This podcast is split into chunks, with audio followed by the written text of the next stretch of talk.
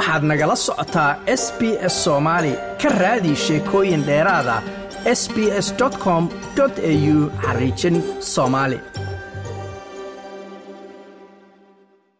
iyada oo xurguf siyaasadeed aad u xoogan ay ka taagnayd puntland ka gadaal markii isbahaysiga mucaaradka iyo musharaxiinta u taagan xilka madaxweynenimo ee doorashada puntland ay ka biyodiideen furista iyo wax kabeddelka baarlamaanka islamarkaana iyagoo ka hor yimid doorashada qof iyo cod ee dowladaha hoose ee puntland taasoo markii dambe keentay iskahorimaad uu dhiig ku daatay ayaa waxaa siyaasiyiinta ugu badan ee mucaaradka ay kulan ay ku yeesheen magaalada garoowe ay sheegeen in wixii ka dambeeya siddeedda bisha janawari ee sanadka soo aadan uu ku egyahay muddaxileedka xukuumadda siciid cabdulaahi deni islamarkaana ku baaqay in doorasho la qabto.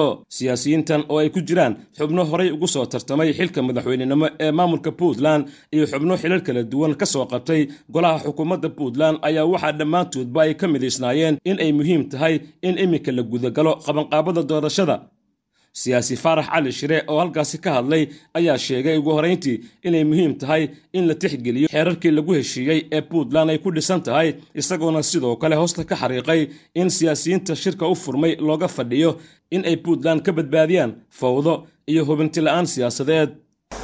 In la tixgeliyo la dhowro wadajirka iyo waxwada lahaanshaha bulshada puntland lana ilaaliyo xeerarka heshiiska lagu yahay ee bulshada puntland waxaa laga rajaynayaa shirkan.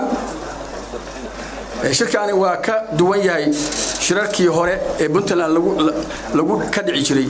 Waayo waxaa ku kulansan dhammaan mucaaradka puntland iyo qaybaha kala duwan ee bulshada. Kana danqaday dhibka iyo marxaladda adag ee puntland ku jirto. Haddaba bulshaweynta puntland soomaaliya oo dhan iyo daneeyaasha soomaaliya waxay rajaynayaan shirkan inay ka soo baxaan aragtiyo iyo talooyin maangal ah oo puntland ka badbaadiya hubantila'aan siyaasadeed iyo iska horimaad hubaysan oo ciidan. Waxaa fursad weyn ah inay dhammaan inteennaanu maanta halkaan u joogno sidaynu taa u samayn lahayn.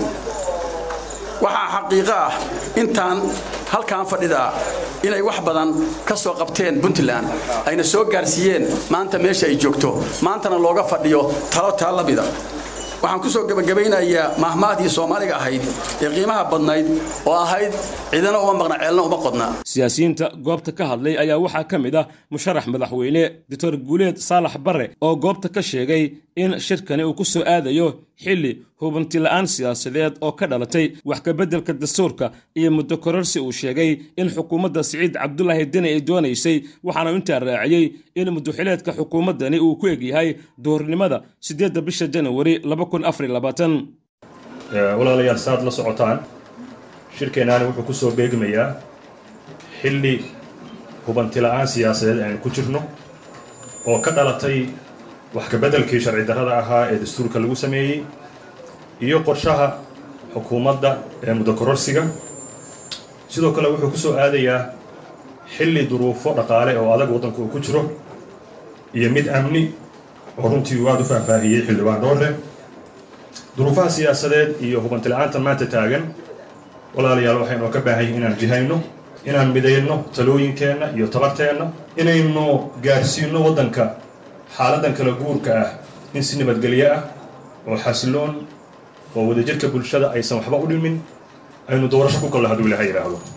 Waxaan u soo jeedinayaa xukuumadda madaxweyne siciid inay dhegaystaan talooyinka waxgaradka iyo siyaasiyiinta inaysan ku sii wadin waddanka hubantila'aanta maanta uu ku jiro.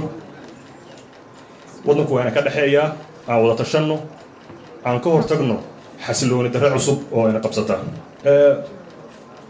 Muddaxileedka dowladdu wuxuu ku egyahay duhurnimada maalinta siddeedda janawari firaaq dastuuri aynu dhaco sax ma aha. Lamana aqbali doono. Waxaan ka codsanayaa mar kale madaxweynaha anoo marar badanna codsiya u diray miyirku ha kuu soo laabto walaalow aqbal doorashada tartanka gal. Haddaad guulaysato mar kalaan shan sana kuula shaqaynaynaa na xukun oo na maamul. Haddii lagaa guulaysto sidii quruxda badnayd ee madaxweyne gaas kugu wareejiyey xukunka u wareeji.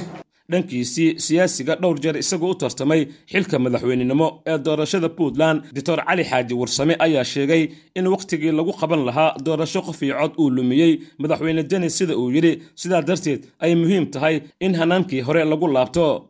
Cidna laguma abaalmarinin inay gaari weyday wakhtigii lagu talagalay.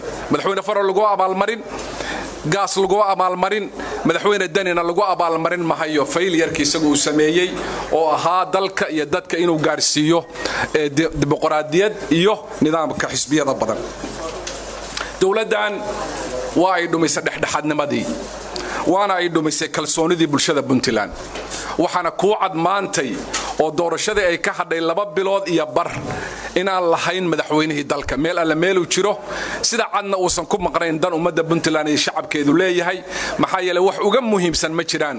Nabadda wadajirka doorasho xor iyo xalaalah oo ciddii ku soo baxdaahi ay noqoto cid dadka intiisa kale ay la wada shaqeeyaan. Waxyaalaha muhimka xilliga kala guurka waxaa ka mida midnimada ummadda puntland.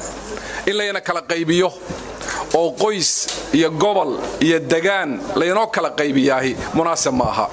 Ummadda puntland waa mid waa ka midaysan tahay doorashadu inay dhacdo sideedda janawari way ka mudaysan tahay doorashada inay ku dhacdo si mutafiq lagu yahay way ka midaysan tahay inaan xeerarkoodii dastuurka ugu horreeyey aan lagu cayaarin oo lagu feegaarin haddaan af soomaali kale ee u dhigo wasiirkii hore ee maaliyadda maamulkaasi puntland ahna musharax u taagan xilka madaxweynenimo ee maamulkaasi xasan shire cabdi abgaal oo goobta ka hadlay ayaa soo hadal qaaday arrimo xasaasi ah oo ku aadan doorashada soo socota ee puntland.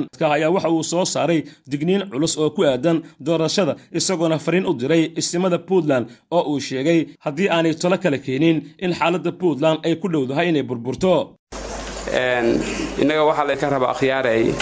xaaladda dalku marayo waa u jeednaa. Dimuqraadiyaddii meesha ay marayso waa u jeednaa. Waa soo dhammaatay. Waxaa layna ka rabaa keliya sidii dalka doorasho loo gelin lahaa inaan ka shaqayno. Siddeedda janawari ma aha maalinta u dambaysa ee cabdisii cabdulaahi deni. Soddon iyo kowda nofembar soddon iyo kowda nofembar madaxweynuhu hadduusan soo magacaabin guddigii xulista baarlamaanka waa la magacaabayaa ma aha siddeedda janawari in la gaaro. Xilliga la qabto doorashadu bilaabato waa inay kowda diseembar magacaaban yihiin guddigii soo xulidda baarlamaanka dowladda puntland. Waa run dastuurka puntland wuxuu u samaysan yahay hab dimuqraadi ah laakiin lama gaarin qofna ma gaarsiin. Siciidna meeshii ugu xumayd buu gaarsiiyey meeshii ugu xumayd buu gaarsiiyey. Waataa maanta boosaaso leh labada maayar waa taa la leeyahay urur helay ama xisb saddex iyo toban helay baa laga qaadaya mid afar leh baa la siinayaa. Taas waa ina daysi.